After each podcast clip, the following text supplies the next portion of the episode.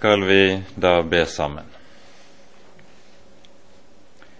Kjære gode Gud og Hellige Far. Så er vi kommet sammen på ny i ditt hellige navn for å høre dine ord.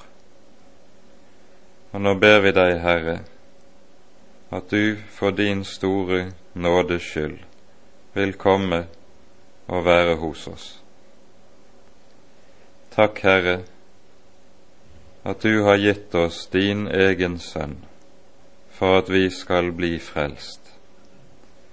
Takk, Herre, at i og med Jesus har du også gitt oss alt vi trenger til liv og salighet.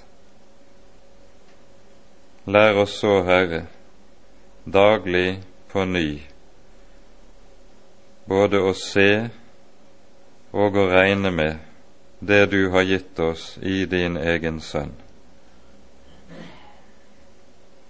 Så ber vi også, Herre, send din Hellige Ånd og vær hos oss denne kvelden. Gi lys i ordet ditt, slik du ser vi trenger det slik at vi også, hver og en av oss, kan bli stående på den onde dag etter å ha overvunnet alt. Herre, forbarm deg over oss. Amen.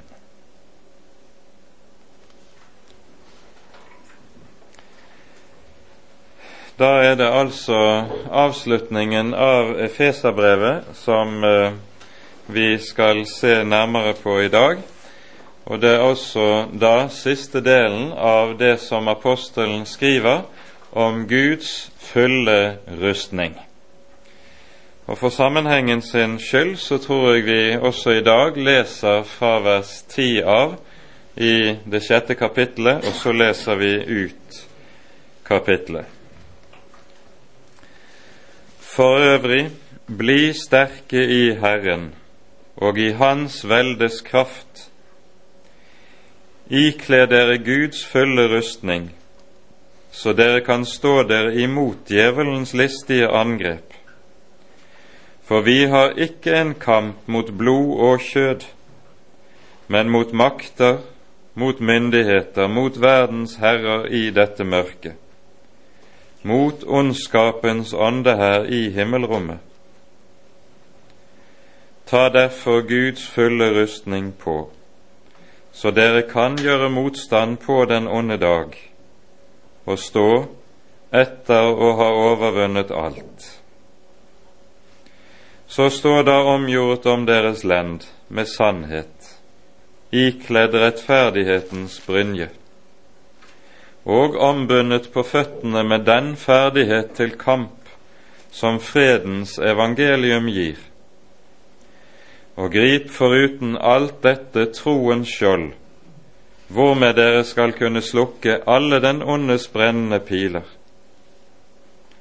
og ta frelsens hjelm og Åndens sverd, som er Guds ord, idet dere til enhver tid ber i Ånden med all bønn og påkallelse, og er årvåkne deri med all vedholdenhet og bønn for alle de hellige. Og også for meg, at det må gis meg ord når jeg opplater min munn, så jeg med frimodighet kan kunngjøre evangeliets hemmelighet, for hvis skyld jeg er sendebud i lenker, at jeg må tale med frimodighet derom, således som jeg bør tale.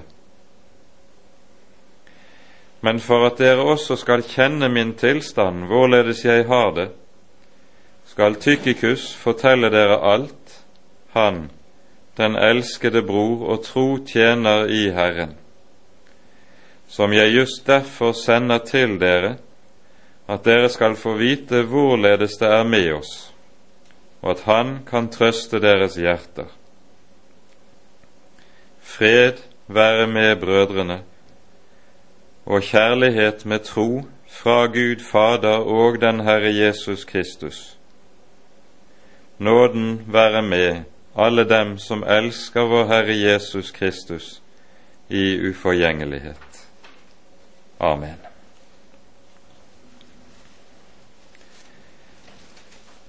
Her er vi altså fremme ved avslutningen av Efeserbrevet. Og det vi hører her, det er at Paulus altså skriver dette sitt brev fra fangenskap, noe vi jo var innom i, da vi var ved innledningen av brevet. Paulus sitter på, ved dette tidspunkt fanget i rom og venter på å få sin sak frem for keiseren. Og her fra fangenskapet i Roma skriver han så en rekke av sine brever. Efeserbrevet er et av de, Kolosserbrevet et annet, og ikke minst Filippabrevet stammer også fra dette fangeoppholdet i Roma. Det er jo med dette fangeoppholdet i Rom at apostelgjerningene også munner ut. Vi hører at han satt i fangenskap i to år og fikk lov til å lære og forkynne Guds ord med frihet. Og det vi forstår av måten fangenskapet er beskrevet på, så er disse to årene i Roma nærmest å forstå som en slags husarrest uten altfor strenge restriksjoner. Mens de to årene som gikk forut for det, der han satt fanget i Cesarea, nok var et langt strengere regime, der han også satt i fangehullet i borgen i Cesarea. Antagelig er det nå slik at Paulus etter disse to årene, mens han ventet på å få sin sak fremlagt for keiseren, også ble gitt frihet. Det, vi hører ikke om det i Det nye testamentet, men vi hører om at kirkefedrene forteller i noen av sine skrifter om at Paulus etter dette første fangeopphold ble gitt fri og fikk anledning til å dra til Spania og forkynne evangeliet også der. Senere, når han vender tilbake til Roma, så kastes han på ny i fengsel. Og fra sitt siste fengselsopphold er det han så skriver annet Timotius-brev. Dette annet Timotius-brev det er Paulus' svanesang. Det er hans åndelige testamente, for fra dette sitt annet fengselsopphold gis han ikke fri, det ender med martyriet. Etter det vi får høre hos kirkefedrene, så må Paulus lide døden under keiser Nero i år 67, og han lider døden ved halshogging fordi han var romersk borger. Derfor kunne han ikke, sånn som Peter, som jo også led martyrdøden under Neros forfølgelse, bli korsfestet. Korsfestelsesdøden var døden som kun var for slaver og krigsfanger og annenrangs borgere i riket. Men Paulus, som altså var romersk statsborger, han ble ikke nedverdiget med en slik død. Han ble halshogget. Når vi peker på dette, at Paulus på denne måten har tilbrakt meget tid i fengsel, så er det for å minne om at når Paulus skriver om Guds fulle rustning, slik han gjør her i avslutningen av Efeserbrevet, så er det en prøvet Herrens stridsmann som skriver. Paulus er så å si en erfaren soldat i den åndelige strid som han taler om i disse versene. Og det er som en så å si krigsveteran han kan gi de nye og de unge på veien beskjed om hva som behøves i den åndelige strid som de står overfor som Guds barn. Paulus er sannelig en som har stått i kamp. Og vil du vite litt mer og høre litt mer av alt det Paulus måtte lide i sin tjenestetid, så skal du lese 2. Korinterbrev, særlig 10., 11. og 12. kapittel. 2. Korinterbrev er på sett og vis nemlig det mest personlige av alle Paulus sine brever, der han går mye inn på all den nød, all den strid og alle de vansker som han har hatt og stått overfor i sin tjeneste som apostel. Og jeg tror vi trygt har lov til å si at Paulus var en lidende apostel. Hele hans tid som misjonær og som Kristi tjener, det var lidelse. Og han visste i sannhet, helt bokstavelig, hva det dreiet seg om når Jesus taler om det å ta opp korset og følge efter ham. Det var det det å gå inn i apostelgjerningen innebar for Paulus sin del. Og Derfor blir det også slik at det han står overfor, det er kamp, og det er åndskamp. Og Det vi ser i Paulus liv, det er jo at mennesker stadig etterstreber ham. Han møter motstand fra de mektige. I Efesus, som han her skriver til, møter han motstand fra de som føler sin næring truet fordi det er så mange som vender om til kristen tro ved apostelens virksomhet. Og så opplever han steining og pisking. Han opplever all mulig bakvasking og baktalelse. Det er ikke det onde han ikke må lide fra mennesker.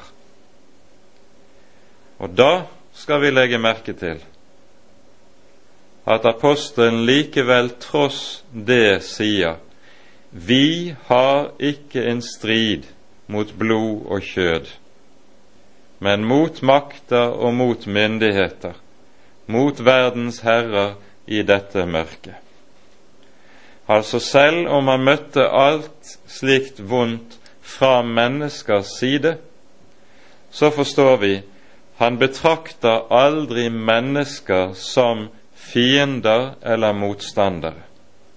Disse som volder apostelen så meget ondt, de er selv fanget i den åndes makt, og slike som kun kan settes fri ved selv å få møte evangeliet, og selv å få del i budskapet om frelsen.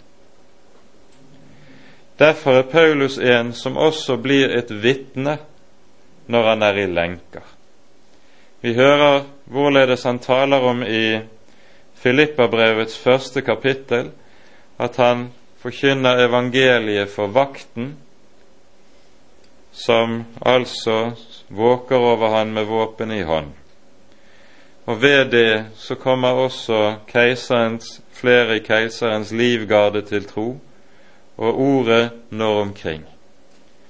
Alt han møter av ondt møtes motsatt fra hans side av med Kristi sinnelag og med evangeliet.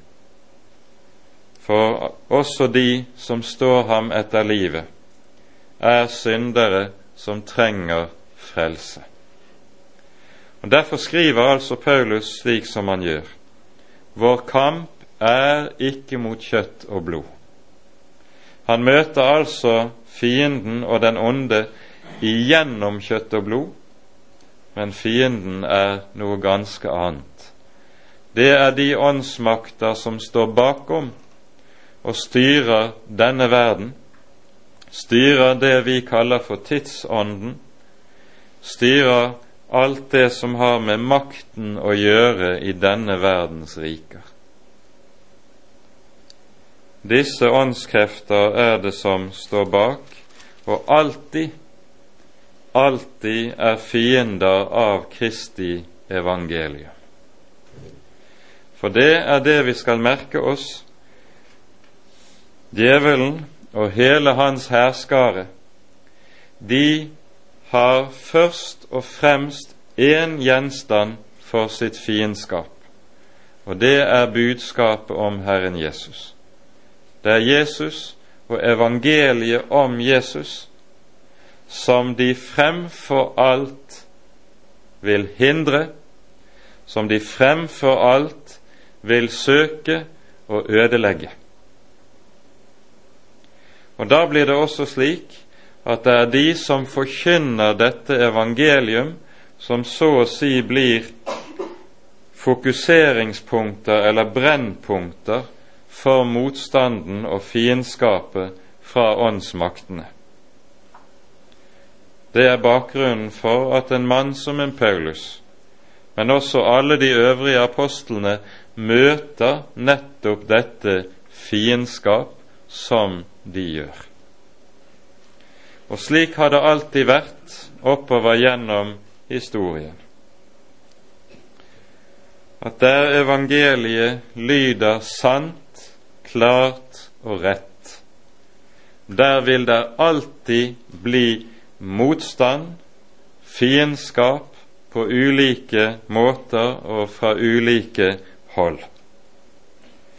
Det er og hører med til evangeliets art at slik vil det være. Dersom kristendommen forkynnes på en slik måte at alle og enhver kan akseptere og godta det, da er det ikke lenger et sant evangelium. Det er det Jesus taler om i Lukasevangeliets kapittel 6, når han sier som han gjør ved dere, når alle taler vel om dere, for således talte deres fedre om de falske profeter. Derfor er det altså slik at der evangeliet lyder sant og rett, der Guds ord blir forkynt sant og rett, der må det bli kamp, og der må det bli motstand og ingen skal forundre seg over at slik er det. Slik var det med Jesus selv, det hører vi i evangeliene. Det er nettopp de som er de religiøse ledere i datidens Israel, nettopp de blir hans fremste fiender, og sågar våger seg til å si om ham han er besatt av Beelzebul.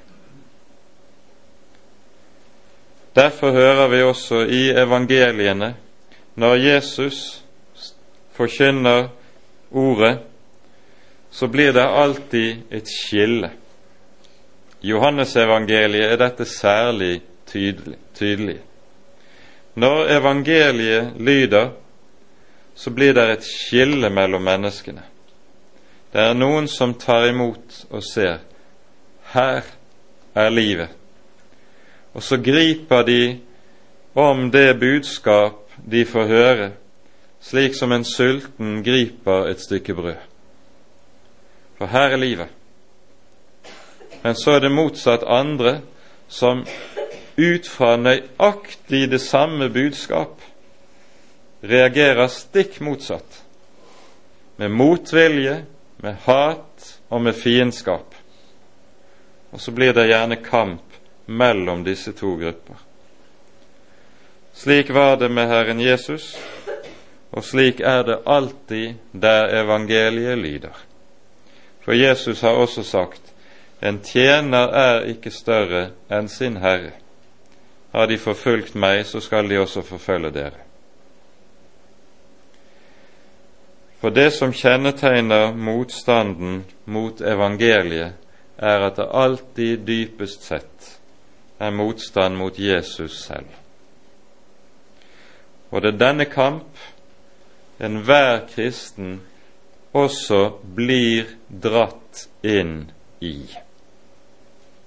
Det er derfor apostelen nå taler om Guds fulle rustning. Og det vi skal merke oss, og som er den åndes hensikt, hva er det? Jo, det er først og fremst å ta fra oss evangeliet.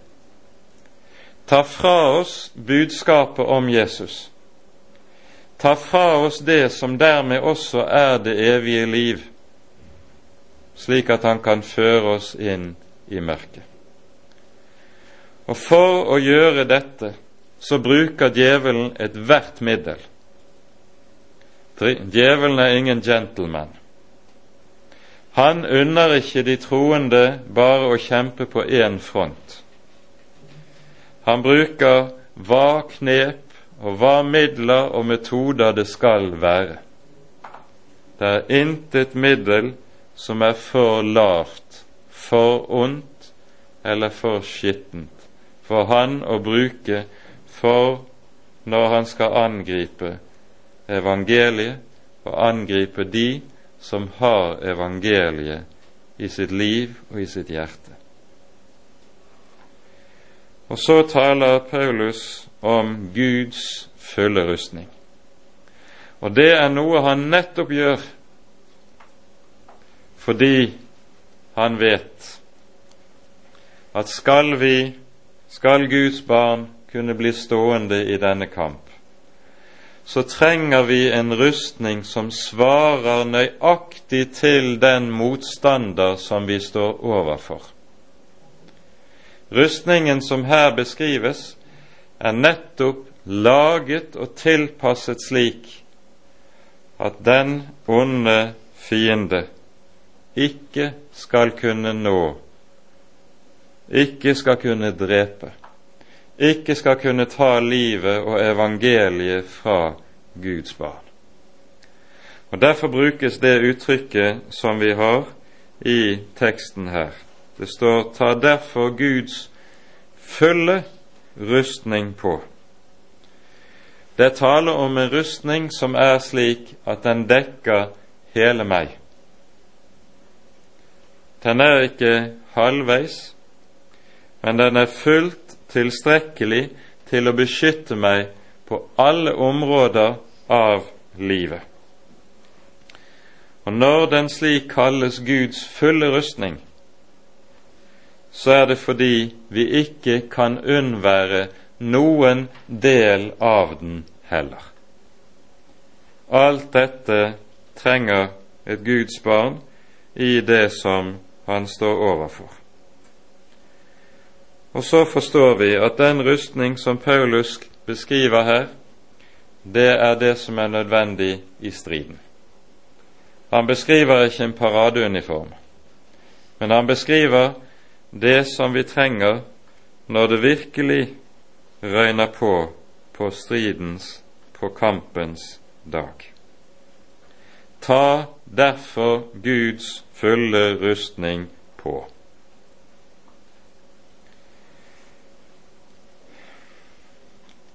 Noe av det farligste et menneske kan gjøre når det er tale om kamp og strid, det er å undervurdere den motstander en står overfor. Det er noe som vi som kristne gjør antagelig meget oftere enn vi tror og er oss det bevisst. Det er nemlig slik at når Bibelen taler såpass meget om det å våke som den gjør, så er det jo fordi søvn er en virkelig fare for Guds folk. Og når er det et menneske faller i søvn? Det er når det føler seg trygg. Føler man seg utrygg og, sikker, og eh, ikke sikker, da vil en ikke kunne sove uansett.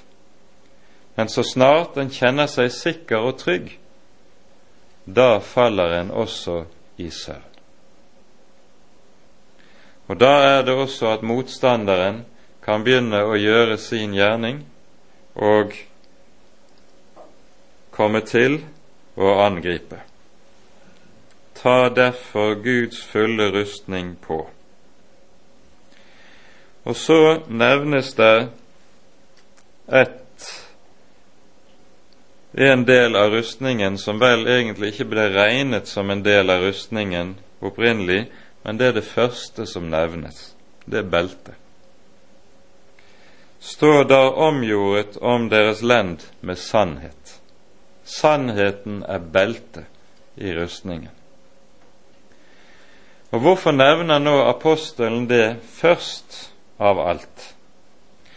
Årsaken er at beltet i oldtidens klesdrakt, og ikke minst oldtidens rustning, spilte en helt avgjørende rolle. Beltet var nemlig det som holdt rustningen sammen og på plass.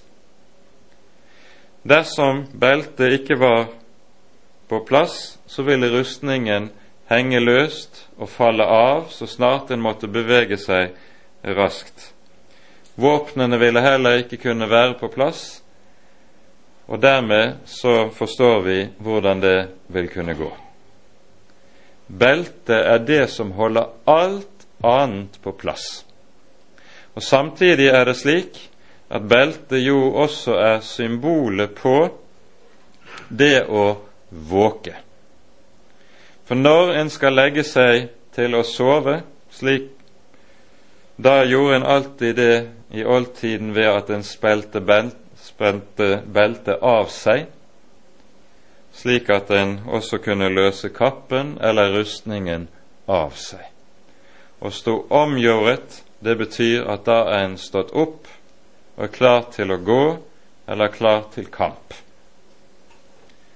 Beltet har altså den betydningen for rustningen. Og hva er det altså Paulus nå kaller for belte?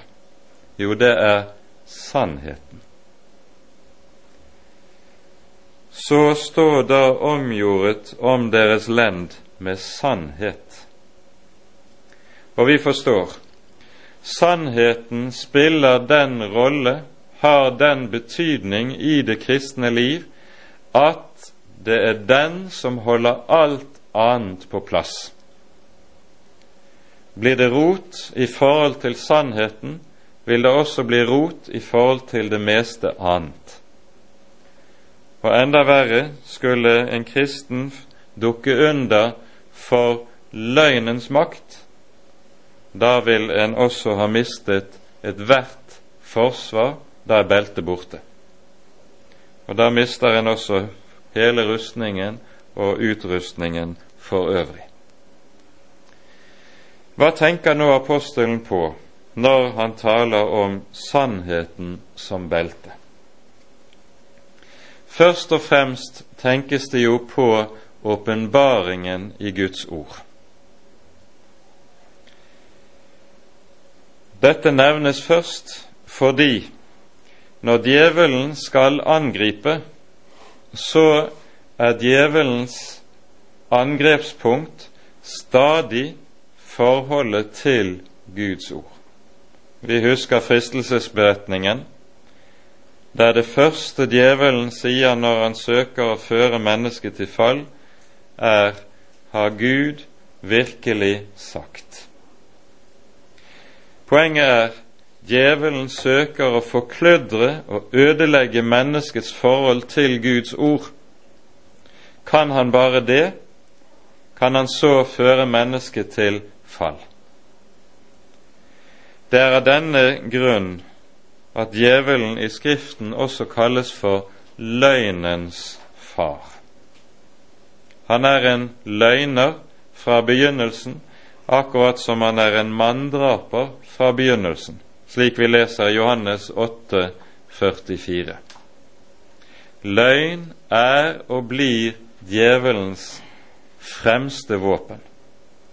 Og Vi var inne på sist gang hvorledes djevelen kommer når han slik angriper. Et av de viktigste områdene her er i form av det som kalles vranglære eller forvrengning av Guds ord. Der vranglæren kommer inn, der mister Guds barn sannheten. Og Derfor er det å stride for sannheten også noe som er helt avgjørende for Guds folk. Vi minner her om det som står skrevet i 2. Peters brev i det annet kapittel.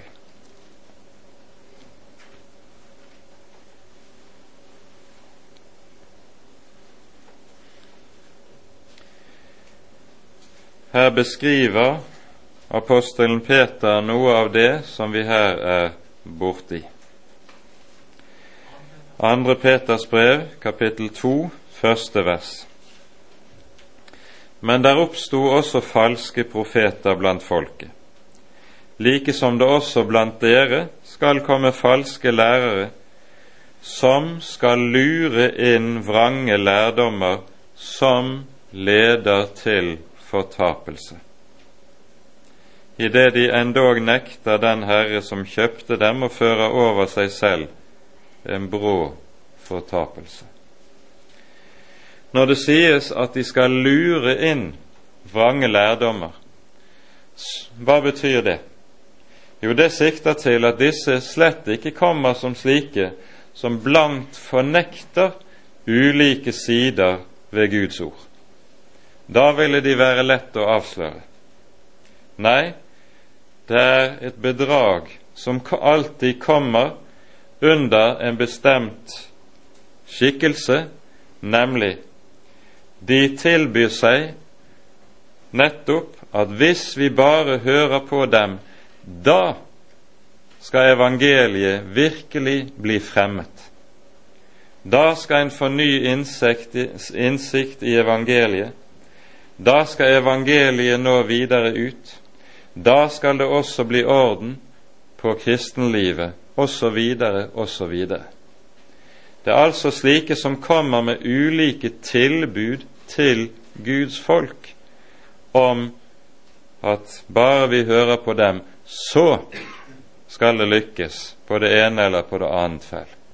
De skal lure inn vrange lærdommer, sies det. Derfor er det å stride for sannheten noe som er absolutt nødvendig for Guds folk. Ofte har det jo vært sagt slik at lærestrid det er noe som man fremfor alt må unngå. Det viktigste er bare at man er glad i hverandre. Så er det vel ikke så nøye med det ene eller andre punkt, for det er jo bare snakk om tørre dogmer allikevel. Det er livet det kommer an på, ikke læren. Slik taler Guds ord aldri. Rett nok er det slik at liv Unnskyld, lære uten liv, det er noe som Bibelen advarer sterkt mot. Død rettroenhet har aldri vært fra Gud. Men det motsatte gjelder enn mer.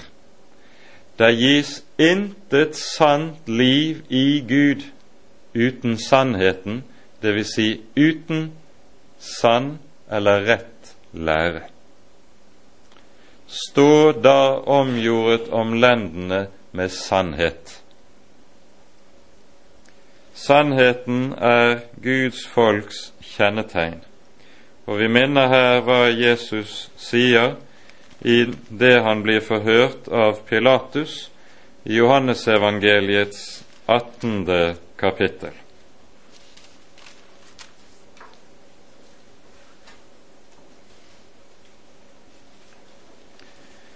Vi leser fra Johannes 18, fra vers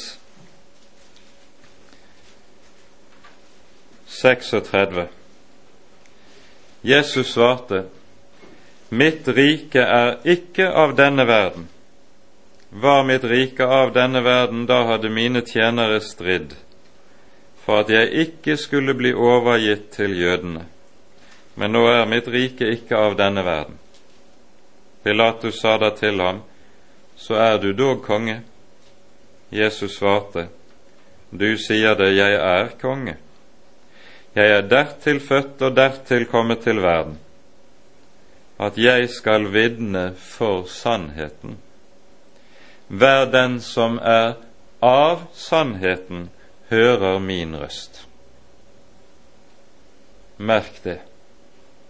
Hver den som er av sannheten, hører min røst. Og det som det da spørres om for vårt vedkommende, er jo nettopp dette er vi, er du av sannheten? Slik at det budskap som vi har i frelsesåpenbaringen, det er det som er din skatt. Det som du både lever på og vet med deg selv dette kan jeg også dø på. Det er det som kjennetegner den som er av sannheten.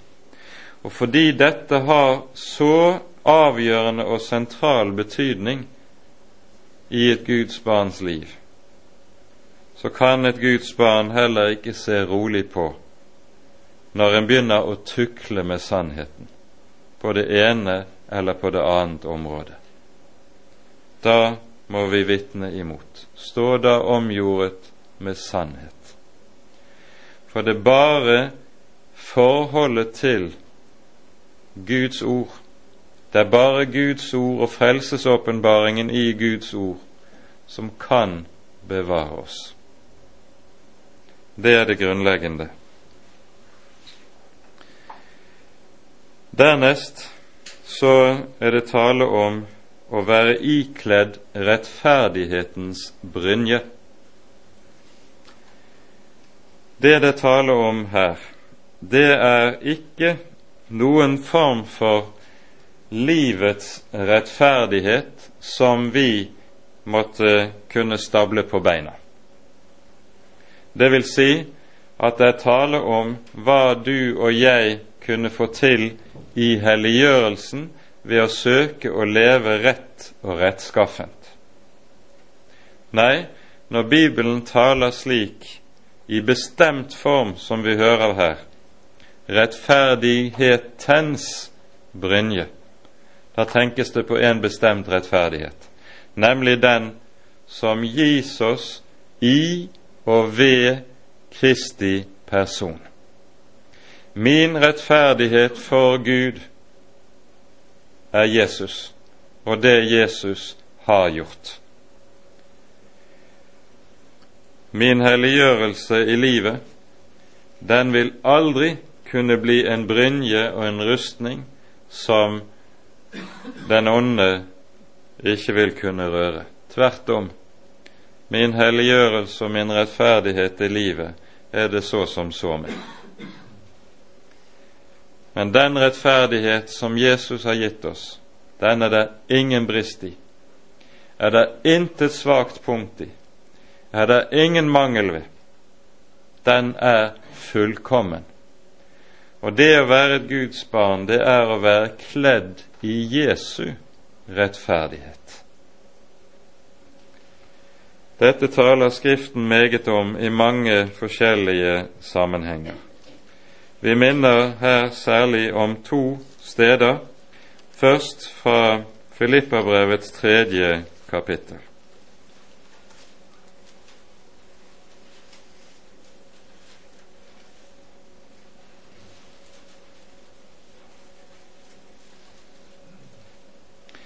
Her taler Paulus om hvorledes han villig har gitt avkall på alt for å vinne det ene som er avgjørende og som har betydning. Vi leser vers 8 og 9. Jeg akter i sannhet alt for tap, fordi kunnskapen om Kristus Jesus min Herre er så meget mere verd. Han for viss skyld jeg har litt tap på alt, og jeg akter det for skarn, for at jeg kan vinne Kristus, og finnes i ham, ikke med min rettferdighet, den som er av loven, men med den som fås ved troen på Kristus, rettferdigheten av Gud på grunn av troen. Legg merke til det. Her er det altså noe som kalles for rettferdigheten av Gud. Dette er altså noe som ikke er gjort i stand eller kan lages i stand av noe menneske, men det er noe som Gud selv har gjort i stand for oss ved sin egen sønn, og som derfor ligger fullkomment ferdig for oss. Det ligger ferdig, og så skal vi kun ikle oss det, akkurat som du kler på deg et klesplagg som også er gjort ferdig allerede. Vi merker oss også det som sies i Hebreabrevet i det tiende kapittel.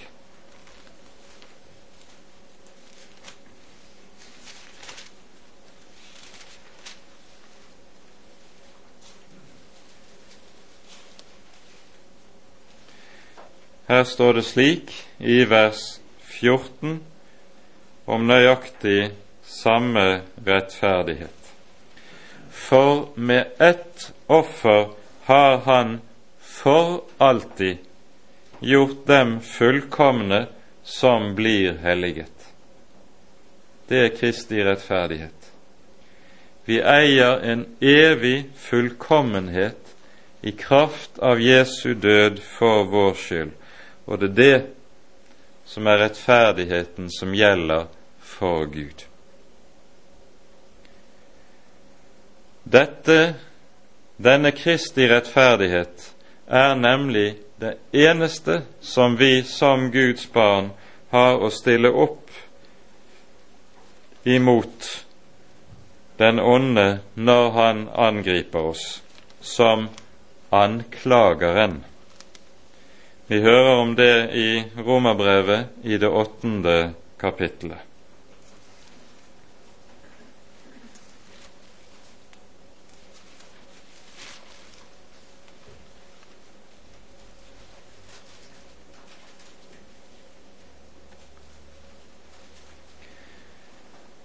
Her leser vi slik vers 33 og 34. Hvem vil anklage Guds utvalgte? Gud er den som rettferdiggjør. Hvem er den som fordømmer? Kristus er den som er død, ja, hva mer er, også er oppstanden, som også er ved Guds høyre hånd, som også går i forbønn for oss. I Jesus har vi en fullkommen rettferdighet som står seg mot enhver anklage og mot enhver fordømmelse. Hvem kan fordømme Kristus? Han er ren, han er rettferdig. Og like lite som Jesus kan anklages for noen synd, kan den som er ikledd Kristi rettferdighet, også anklages. Og når djevelen da kommer med sine anklager og med sin fordømmelse, så skal et Guds barn bare vise ham videre og si:" Dette er ikke min sak. Guds sønn står der i mitt sted. Du kan prøve å anklage ham. Guds sønn gjelder i mitt sted. Og kan du ikke fordømme Guds sønn, så kan du heller ikke fordømme meg. Det er bare ved denne rettferdighet som vi har i Kristus, at en kristen også kan være trygg i all anfektelse og mot all anklage slik. Paulus går nå videre og taler for det første ombundet på føttene med den ferdighet til kamp som fredens evangelium gir.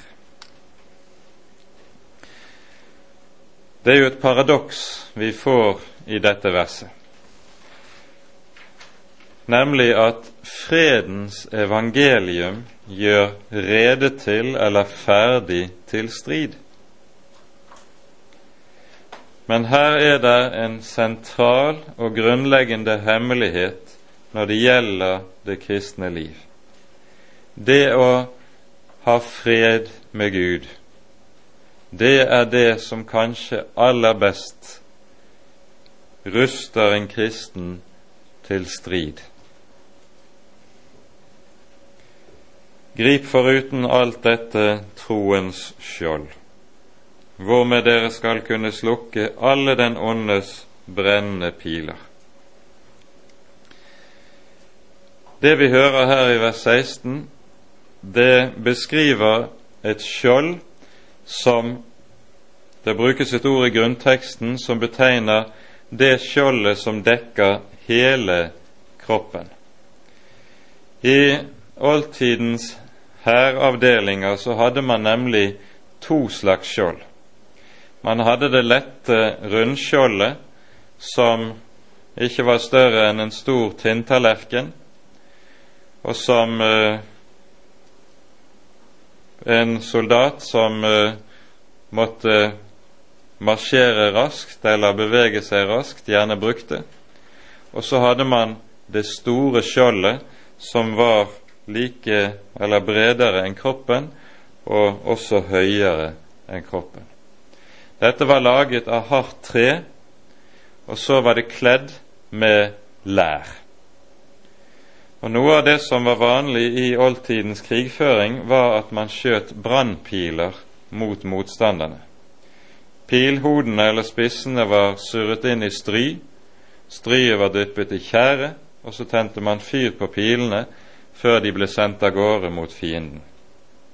Det var et fryktelig våpen å bli truffet av. Men disse skjolene som var trukket med lær, de var slik at de kunne ikke ta fyr. Og den slags piler dugde ikke mot sånn beskyttelse. Og så bruker apostelen nå dette som bilde. Grip foruten alt dette troens skjold. Hva menes det med det? Med dette menes det ikke at en kristen nå skal ta seg godt sammen og prøve å tro så sterkt og så kraftig som han bare kan. For er det noe en kristen vet med seg selv, så er det at det er så som så med troen i hans eget liv. Nei, det som kjennetegner troen, hva er det? Jo, troen påkaller Guds løfter. Det er det troen gjør. Og troens skjold, hva er det?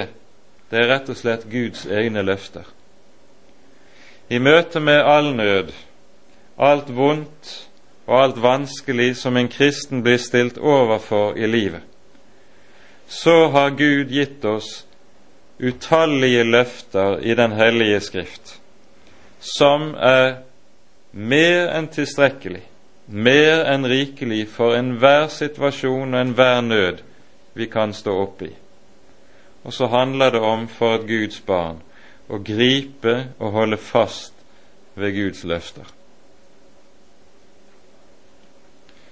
For mange år siden så var, kom jeg til å snakke med en gammel kristen kvinne som var hårdt prøvet i livet, og hadde hatt mer vansker enn de aller fleste. Og så spurte jeg henne hva var det som hjalp deg når det var som aller tyngst og som aller vanskeligst? Og da svarte hun, jeg fikk et Guds ord. Og så var det det ordet som bar henne igjennom når nøden var som tyngst. Den ytre situasjonen ble ikke annerledes, men hun fikk et ord og så ble ordet slik at det bar henne nettopp Det ble et ord som gikk nettopp inn i det hun sto oppe i, og så løftet og bar ordet henne når hun trengte det aller mest. Det er det som kjennetegner troens sjøl.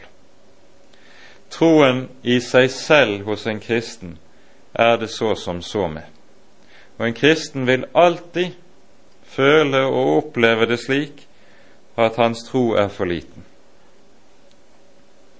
Det er ikke for ingenting vi hører i Lukasevangeliets 17. kapittel at disiplene ber Jesus og sier, 'Herre, øk vår tro'. De har nok følt på det samme, de også, at troen deres var skrøpelig og var så altfor liten. Og så gjør de seg den tanke at bare troen hadde vært sterkere, bare den hadde vært friskere, vært litt mer hold i det, så ville det også bli annerledes med dem og med kristenlivet deres. Men da skal du legge merke til hva Jesus sier. Han sier, 'Sannelig, sannelig, sier jeg dere', dersom dere hadde tro bare som et sennepskorn, da skulle dere kunne si til dette fjell, kast deg i havet, og det skulle lyde dere. Sennepskornet var i datiden symbolet på, rent ordspråksmessig, på det som var det minste av alt. Hva er det Jesus sier med det? Det spiller ingen rolle om troen er liten. Det er ikke troens størrelse, styrke eller kraft som er viktig, men troens art. Om troen er aldri så liten, så spiller ikke det noen rolle. Spørsmålet er hvem tror jeg på? Hva er troen rettet imot? Det er det det kommer an på. Og det er det som gjelder. Og det er det vi blir minnet om her, og som vi skal være klar over. Grip foruten alt dette troens skjold. Det er Guds løfter det handler om. Og så skal er troens øvelse den at den består i det å øve seg å rette blikket, rette hjertet på Herrens løfter. Og så kan du trenge inn til løftene, påberope deg Guds løfter og si du har selv lovet Herre Gud. Og så kan en kristen slik minne Herren, som det står skrevet. I det ligger det en veldig hjelp for et Guds barn. Og kanskje vi i denne sammenheng særlig skulle minne om den betydning Salmenes bok har i så måte for et Guds barn. I Salmenes bok finner du sannelig en samling og et knippe av Guds løfter som dekker alle livets forhold og alt du overhodet skulle komme til å trenge i livet. Og Derfor er det ingen bok i Bibelen som er en bedre trøstebok, som et Guds barn kan ty til når det er i nød. Derfor Salmenes bok skal ikke bare leses, men den skal bes. Og begynn å tenke slik at du skal gjøre deg flid med å be Salmenes bok som dine egne bønner. For når du ber Salmenes bok, da ber du Guds ord. Ingen bønner kan være bedre enn det. Da ber du med Guds eget ord. Og så har det dette den forunderlige makt at når du ber Guds ord, så bærer dette ord deg også. Og det er Guds ords forunderlige hemmelighet og virkning. Grip, grip ta også frelsens hjelm og Åndens sverd, som er Guds ord. Når apostelen i denne sammenheng taler om frelsen, så tenker han først og fremst på håpet. Ordet frelse brukes jo i Det nye testamentet i to hovedbetydninger. For det første brukes det i den betydning vi vanligvis bruker ordet, når vi kan si at 'jeg er et frelst menneske'. Men dernest brukes det også i den annen hovedbetydning i det det peker fremover mot Jesu gjenkomst og mot oppstandelsen. Når ordet da brukes i den betydning, så er det tale om håpet. En kristen lever i forventning om frelsen, oppstandelsen og forløsningen som kommer når Jesus kommer tilbake.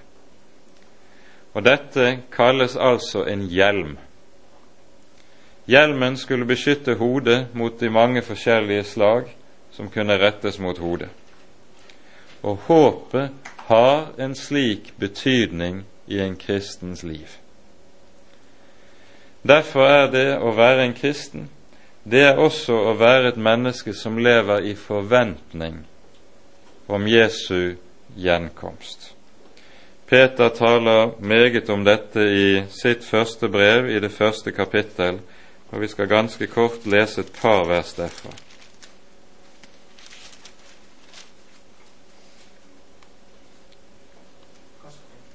kapittel 1.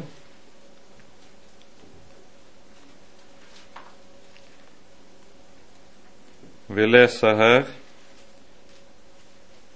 fra vers 3 av.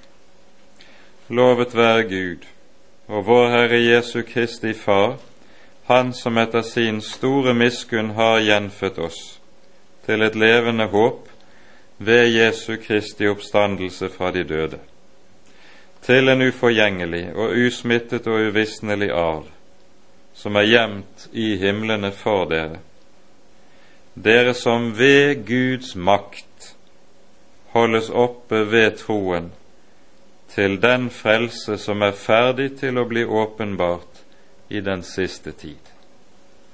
Og Her ser du at ordet frelse nettopp brukes i denne betydning at det taler om håpet for en kristen.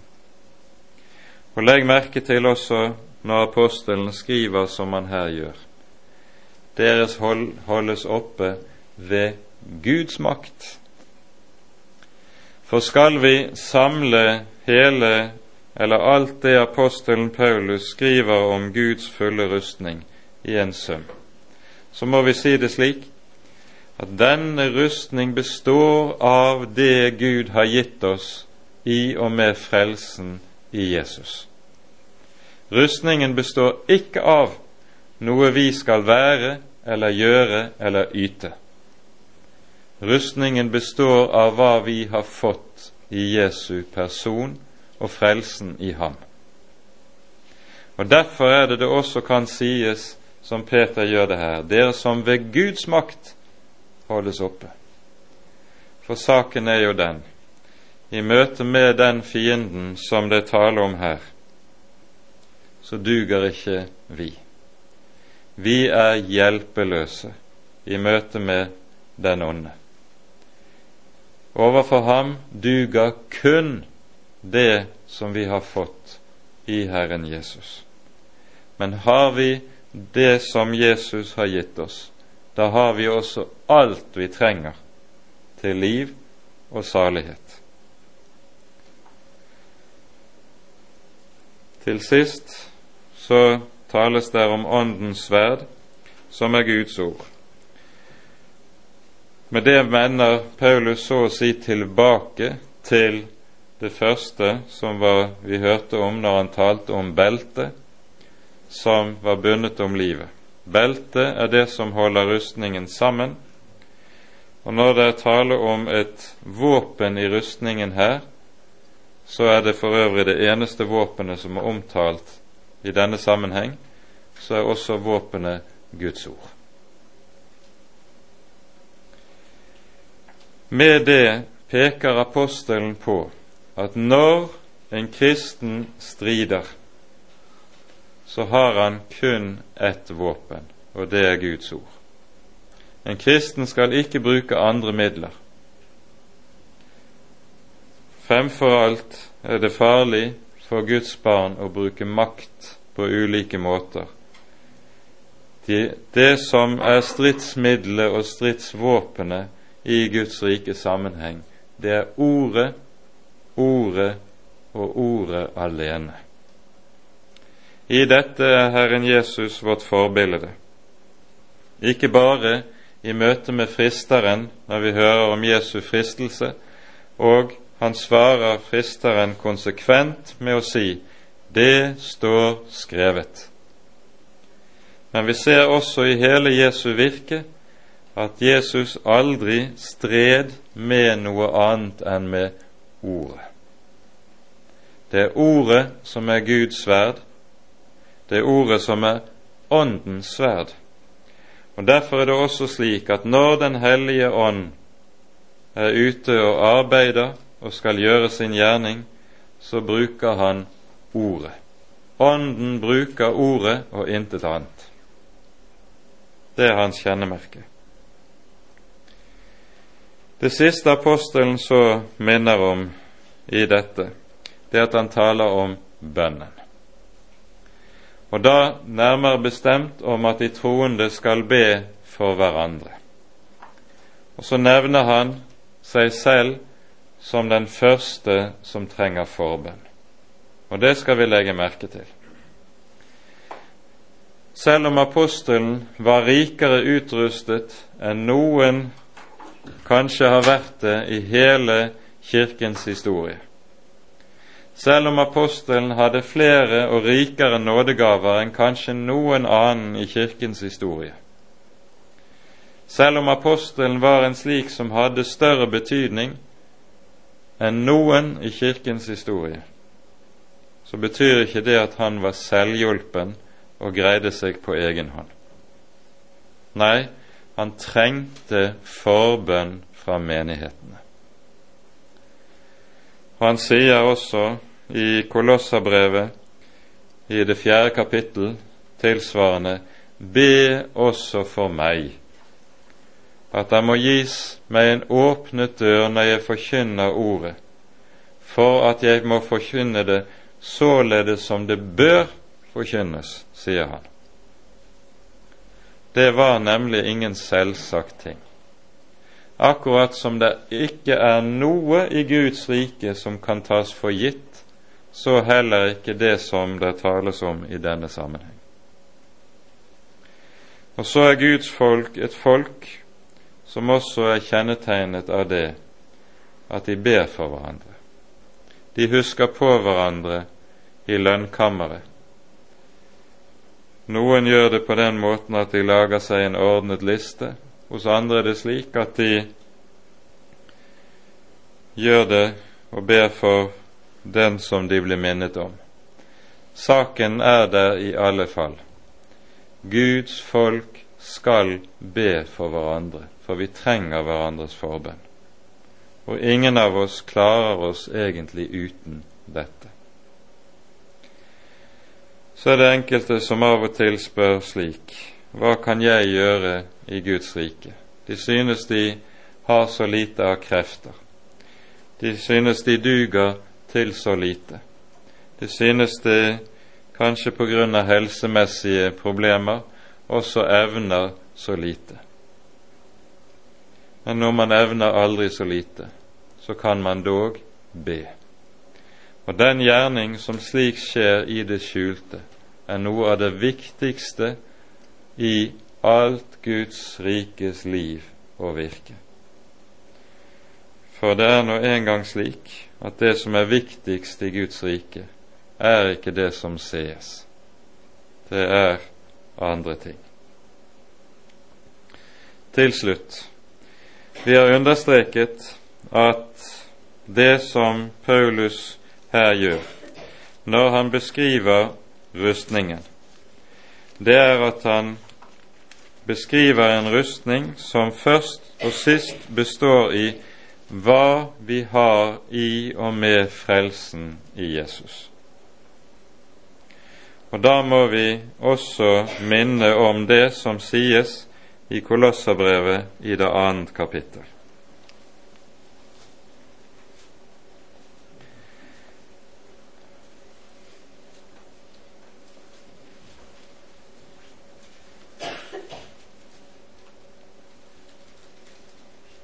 Her sies det slik i vers 15. Her tales det om Jesu død på korset, og så står det slik Han avvæpnet maktene og myndighetene og stilte dem åpenlyst til skue, idet han viste seg som seierherre over dem på korset. Så skal vi vite det er ett sted i verden der djevelen ikke har makt. Det er ett sted i verden der djevelen intet kan gjøre. Det er i ly av Kristi kors. Der er han maktesløs, der er han avvæpnet, der er en kristen trygg. Jesus har overvunnet den onde. Og Jesus sier også uttrykkelig forut for sin lidelse nå er timen kommet, nå skal denne verdens fyrste kastes ut, og så holdes det dom over ham. Og så er han avvæpnet, og legg merke til hva, hvordan avvæpningen skjer. Han ble avvæpnet ved at han ble stilt åpenlyst til skue. Djevelen er en som lever i mørket, en som bruker mørket som sitt element, og som alltid bruker løgn og usannhet, og som derfor ikke tåler lyset. Han ble avvæpnet ved å bli stilt til skue. Han måtte inn i lyset, og så er det med han som er trollet når solen går opp. Det sprekker og har ikke lenger makt til å ødelegge. Han avvæpnet maktene og myndighetene. Og så forstår vi det som er det fundamentale i alt som har med den kristne kampen å gjøre. Det består i dette å bli hos Jesus, bli ved Jesu kors og ikle seg og regne med det vi har fått i en fullbrakt frelse.